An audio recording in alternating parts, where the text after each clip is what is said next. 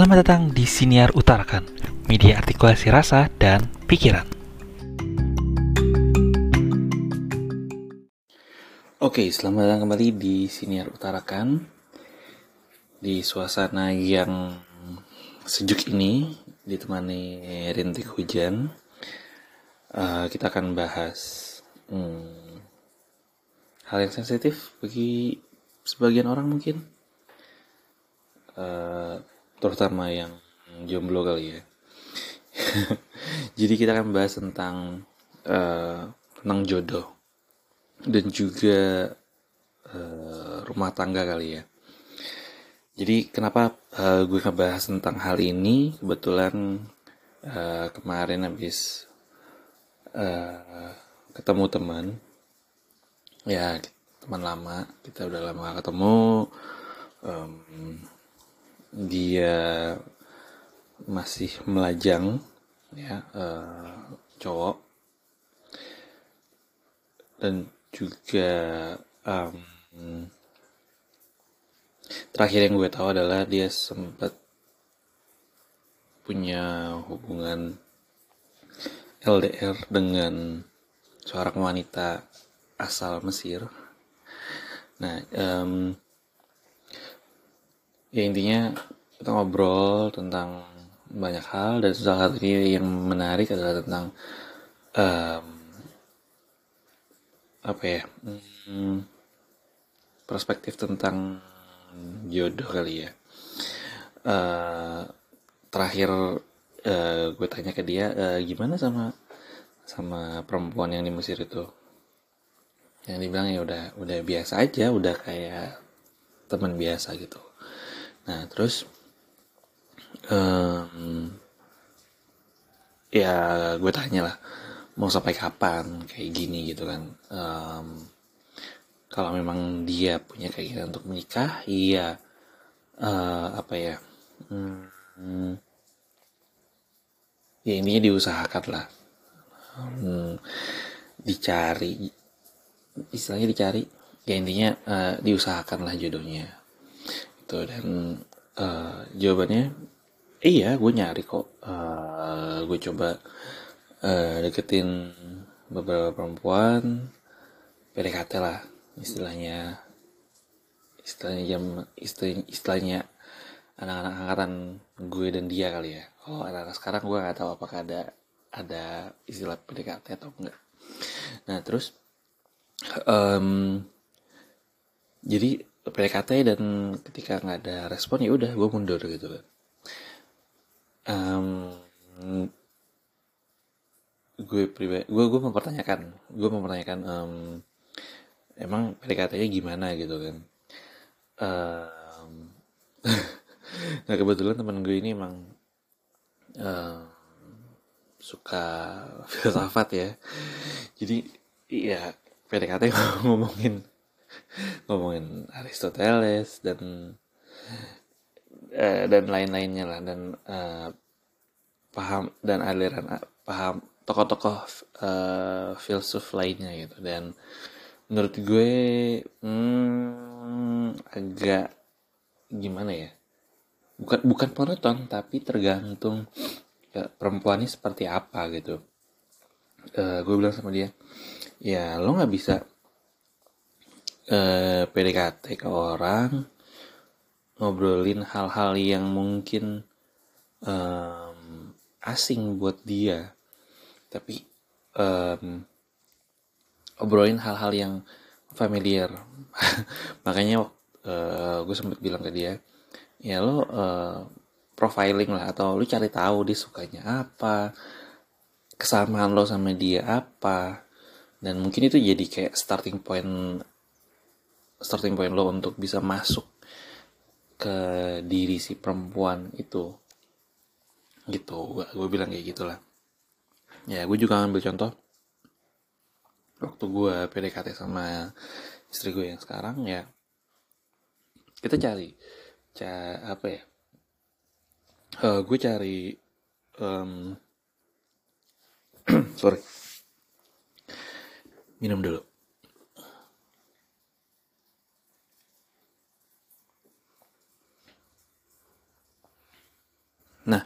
jadi um, misalnya uh, waktu gue PDKT sama sama istri gue ya nyari topik atau pembahasan yang memang uh, bisa kita bahas.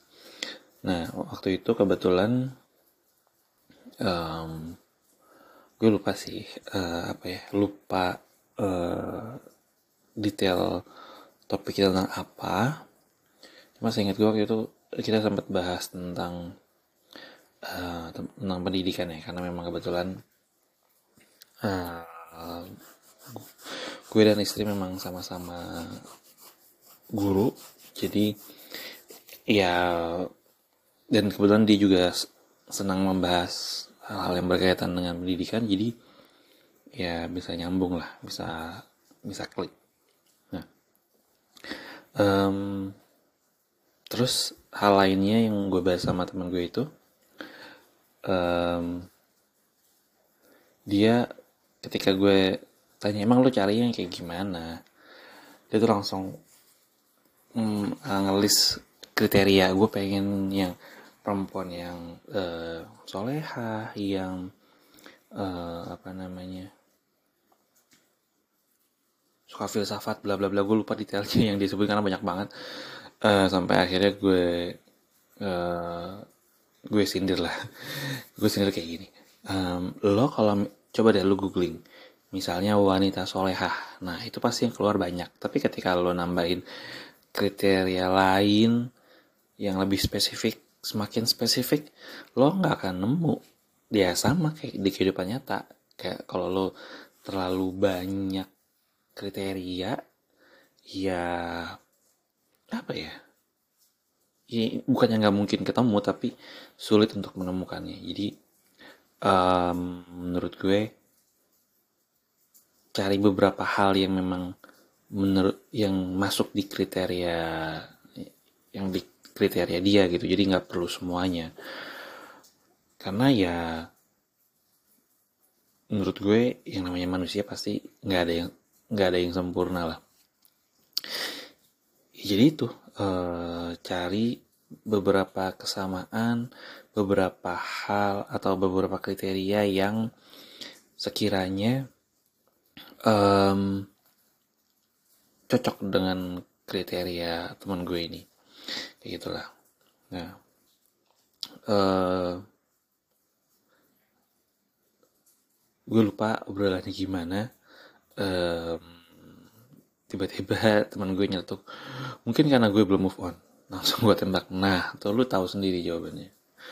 Ya mungkin karena dia masih belum move on sama uh, gebetannya yang uh, di Mesir kali ya.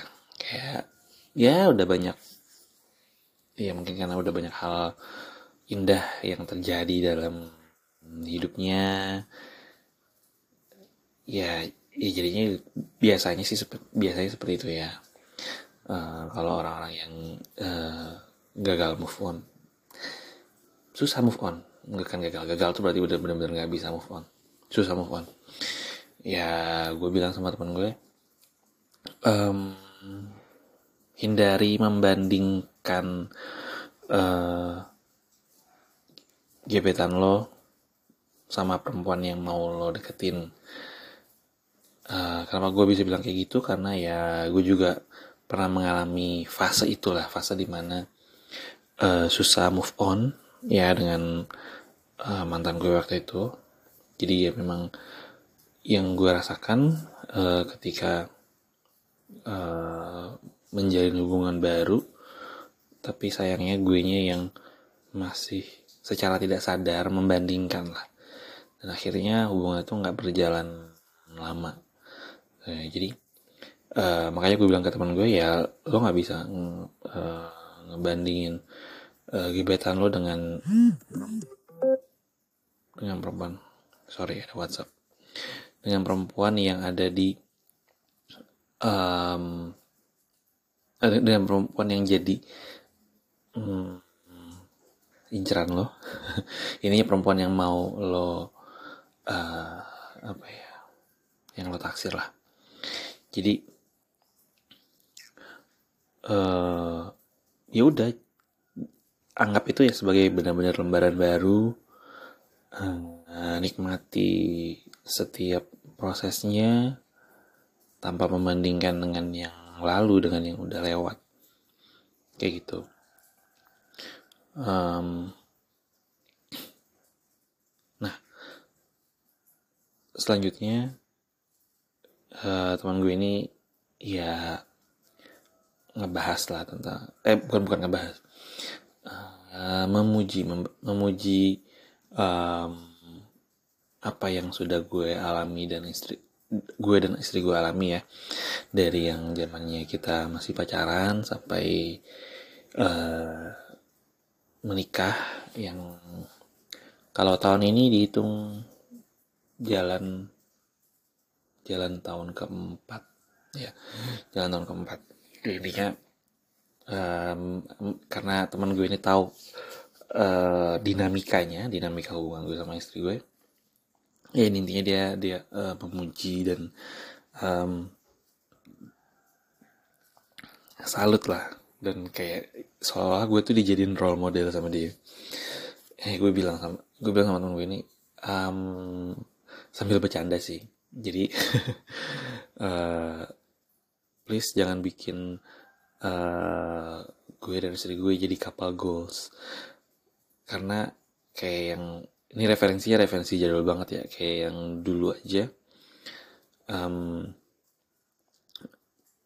Dayanti sama Anang yang yang disebut-sebut di era 90 itu couple goals tapi nyatanya mereka pisah terus uh, mungkin kalau yang sekarang mungkin kayak Rizky Bilar kali ya sama Lesti yang akhirnya sempat ada kasus KDRT kan. Jadi ya apa ya? Nggak perlu lah pakai istilah maksudnya um, menjadikan rumah tangga orang lain itu sebagai uh, patokan. Patokan dalam jadi apa ya hmm, parameter lah atau tolak ukur keberhasilan rumah tangga lo nantinya gitu. Karena um, ya setelah gue pikir-pikir dan gue alami juga yang namanya rumah tangga itu um, apa ya iya banyak hal terjadi lah. Uh, nggak cuma senang-senangnya aja tapi juga ada ya ada konfliknya juga ada beda pandangan juga ada sedihnya juga, ada marahnya juga. Ya semua emosi ada di dalam rumah tangga. Jadi um, bagi gue pribadi uh, apa ya? Bukan, maksudnya bukan couple goals ya, tapi lebih kayak misalnya apa apa hal baik yang kita temukan di mana pun ya misalnya hmm, baik itu di keluarga dan artian kayak di orang tua atau mungkin di teman atau di sosial media hal-hal baik tentang um, tentang pernikahan tentang tentang merawat pernikahan tentang uh, parenting bagi yang sudah punya anak. Nah itu ya kita ambil. Gitu jadi tapi tapi tidak kita ambil uh, mentah-mentah ya tapi ya mungkin bisa di dianalisa terlebih dahulu dan dilihat konteksnya karena mungkin um, konteks itu penting banget. Jadi kalau misalnya kita terlalu mengambil sesuatu itu plek-plekan ya atau maksudnya uh, as it is uh, kemungkinan nggak cocok sama sama uh, kehidupan kita. Karena memang ya konteksnya situasinya itu ya berbeda. Ya kalau kalau konteksnya ya berbeda ya kemungkinan outputnya juga akan akan bisa berbeda. Kayak gitu. Um, terus uh, ya lanjut lagi teman gue bilang uh, apa yang dia yakini itu sama dengan apa yang gue yakini. Dalam artian um, adanya uh, kesetaraan antara suami dan istri. Uh, karena yang dia lihat adalah di beberapa temannya yang lain tuh ya um, ya suami itu di atas istri dan juga um, yang gue juga sempat kaget. Ya nggak kaget juga sih maksudnya uh, yang gue yang gue kira hanya gue temukan di um, sosial media ya terjadi di uh, di circle temen gue ini di uh, di teman-temannya yang lain jadi kayak um, suaminya itu suami maksudnya si temennya ini sebagai suami itu uh, memarahi istrinya di depan orang lain lah. Um, dan yang menurutku pribadi itu um, kurang etis ya. Karena kan itu jatuhnya seperti mempermalukan. Nah um, ya gue juga bil uh, ya intinya gue uh, gue bilang sih sama temen gue ini ya dari awal memang um, sebelum menikah pun uh, gue dan istri gue itu kayak kita um, seolah-olah kayak sepakat lah. Jadi sebelum oke okay, kita menikah ya ada beberapa hal yang kita bicarakan uh, kita diskusikan dan kita sepakati. Ya Buk, bukan perjanjian pranikah ya tapi tapi hal-hal secara prinsip yang memang uh, akan kita lakukan bukan akan ya karena udah nikah jadi yang sudah dan akan terus dan semoga selamanya kita bisa lakukan itu ya um, saling mengisi peran sih dalam rumah tangga. Jadi uh, bukan mengandalkan uh, suami aja atau istri aja tapi ya kita saling melengkapi gitu. Saling mengisi. Um, karena yang namanya uh, rumah tangga itu menurut gue pribadi adalah ya kerjasama teamwork yang nggak um, bisa bertahan kalau hanya uh, dijalani satu satu orang aja satu entah itu suami aja atau istri aja nggak bisa itu menurut gue ya rumah tangga itu ya harus bareng-bareng bersama. Jadi um, itu yang penting. Dan uh, meskipun demikian um, bukan berarti setara ya dan berarti bukan bukan berarti uh, gue nggak mau disetarakan dengan perempuan. Dalam artian gini um, ada hal-hal yang memang uh, secara prinsip itu memang menjadi uh, tanggung jawab atau mungkin ya itu adalah peran yang harus diambil oleh seorang laki-laki atau suami yang salah satunya yang menurut gue adalah uh, pengambilan keputusan akhir. Jadi ketika misalnya ingin memutuskan sesuatu, um, ya pastinya um, berdiskusi dengan istri dan intinya um, istilahnya kalau yang sorry, uh, gue minum dulu.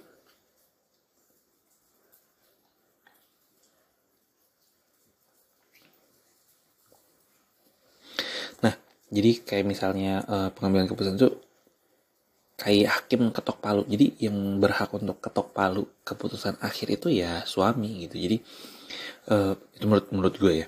Karena ya suami itu kan kepala keluarga gitu. Jadi ibaratnya pemimpin keluarga. Jadi ya di situ sih yang memang um, apa ya uh, peran suami itu lebihnya tuh salah satunya ya di situ gitu. Jadi tidak sepenuhnya setara. Ibaratnya kalau kalau gue uh, kemarin ngobrol dengan teman gue itu gue mengibaratkan uh, posisi suami dan istri itu ibarat seperti posisi sholat berjamaah berjamaah uh, imam dengan satu makmum. Jadi uh, ya kalau dalam Islam kalau sholat berjamaah ya ibadah ibadah bersama itu kalau misalnya hanya dua orang berarti kan satu orang menjadi imam dan satu orang lagi menjadi makmum. Nah, posisi makmum itu uh, tidak sejajar tapi mendekati sejajar. Jadi posisi imam itu tetap lebih uh, lebih depan lah. Nah, jadi gue gue menggunakan analogi seperti itu. Um, ya karena itu tadi dan um, dan gue juga meyakini apa yang pernah uh, disebutkan Deddy Kobuzer dalam uh, dalam siniarnya yang yang bukan di YouTube ya. Uh, dia pernah ngebahas bahwa ya eh gue, gue juga nggak tahu sih apakah dia pernah bahas di itu atau enggak. Ya intinya ya secara alamiah ya laki-laki itu memang lebih uh, apa ya diciptakan memang uh, lebih powerful. Eh eh gue nggak tahu kata yang tepat atau apa mungkin ya. Intinya lebih diciptakan lebih dari perempuan gitu. Jadi um, ini secara ini ya secara alamiahnya gitu. Jadi um, ya ya makanya ya uh, yang menjadi pemimpin rumah tangga itu ya laki-laki. Tapi kalau misalnya udah ngomongin masalah uh, politik ya kayak misalnya pemimpin negara. Kalau buat gue pribadi um, kalau untuk hal itu kayaknya nggak kayaknya nggak masalah kalau kalau perempuan menjadi presiden misalnya. Karena kan itu uh, apa ya uh, skopnya atau ruang lingkupnya itu lebih uh, lebih besar. Dalam artian iya yang namanya presiden pasti akan di, dibantu oleh wakil presiden. Ya intinya apa ya tapi meskipun beda pandangan maksud gue kalau di rumah tangga ya iya uh, perempuan sorry laki-laki uh, bisa jadi pemimpin dan ya perempuan juga sebenarnya bisa ya dalam artian dalam konteks tertentu dan um, kayak perempuan menjadi presiden pun dalam konteks tertentu ya maksudnya. Sorry sorry ya, untuk pembahasan yang awal oh dengan catatan maksud gue dengan catatan. Dengan konteks misalnya um, kalau untuk masalah uh, negara ya kepala negara pemimpin negara itu kan sifatnya lebih politis ya. Tapi lebih politis bukan berarti mengesampingkan hal-hal um, lain. Jadi kalau menurut gue pribadi nggak masalah uh, perempuan jadi presiden jika situasinya misalnya uh, calon presiden yang laki-laki ini memang nggak kom kurang kompeten dan rasanya ya lebih baik si perempuan ini yang jadi presiden. Jadi um, nah di ya mungkin konteksnya konteks ini juga bisa berlaku di rumah tangga ya. Jadi seandainya memang um, suaminya ini uh, kurang capable dalam menjalankan perannya sebagai suami ya mungkin ya istri bisa ambil alih peran itu. Tapi mungkin menurut gue um, apa ya karena budaya kita masih budaya patriarki dalam artian iya pemimpin tuh ya laki-laki gitu. Um, kalau untuk case-nya rumah tangga menurut gue ya intinya meskipun misalnya istrinya yang yang punya kendali dalam artian yang yang jadi pemimpin utamanya lah ibaratnya dalam rumah tangga ini case-nya tertentu ya. Eh, ini ini uh, case-nya dalam situasi tertentu yang tadi gue bilang jadi ketika misalnya suaminya mungkin suaminya kurang mampu untuk menjadi pemimpin rumah tangga yang mau nggak mau kan harus menjadi harus ada yang menjadi pemimpin utama dong. Nah jadi ya menurut gue sih sah sah aja perempuan yang take over gitu yang ambil alih. Tapi dengan dengan catatan ya karena karena budaya kita masih patriarki ya ya secara umum ya budaya di masyarakat kita itu masih yang patriarki yang ya laki-laki itu ya pemimpin nah jadi mungkin um, si istri ini uh, apa sih namanya me membuat atau seolah-olah dilihat orang-orang tuh ya suaminya yang tetap yang punya kendali gitu. Tapi padahal ya istrinya. Ada yang kayak gitu? Kayaknya sih ada ya. Jadi mungkin um, dilihat orang oh uh, ya yang punya kendali yang yang punya yang mengambil keputusan itu uh, suaminya gitu. Tapi padahal kalau kita perhatikan uh, atau kita telisik lebih dalam ya sebenarnya yang punya kendali atau yang yang punya uh, apa sih yang menjadi pemimpin utamanya itu ya si istrinya gitu. Ya baik lagi yang di awal ya yang tadi bilang yang tadi gue bilang um, kita nggak bisa compare kita nggak bisa bandingin uh, rumah tangga kita dengan rumah tangga orang lain. Karena memang ya uh, lingkungannya berbeda situasinya berbeda. Ya ya intinya konteksnya berbeda lah. Jadi kita nggak bisa menyamaratakan menyeragamkan uh, rumah tangga kita dengan rumah tangga orang lain. Jadi kayak ya apa ya? Ya jalani dan nikmati setiap proses berumah tangga. Kurang lebih kayak gitu sih. Oke okay, um, terima kasih ya mungkin untuk episode kali ini uh, gue cukupkan dulu. Uh, terima kasih banyak bagi yang sudah mendengarkan dan uh, mungkin ada yang punya pendapat lain tentang menemukan jodoh atau mungkin tentang uh, rumah tangga itu idealnya seperti apa sih?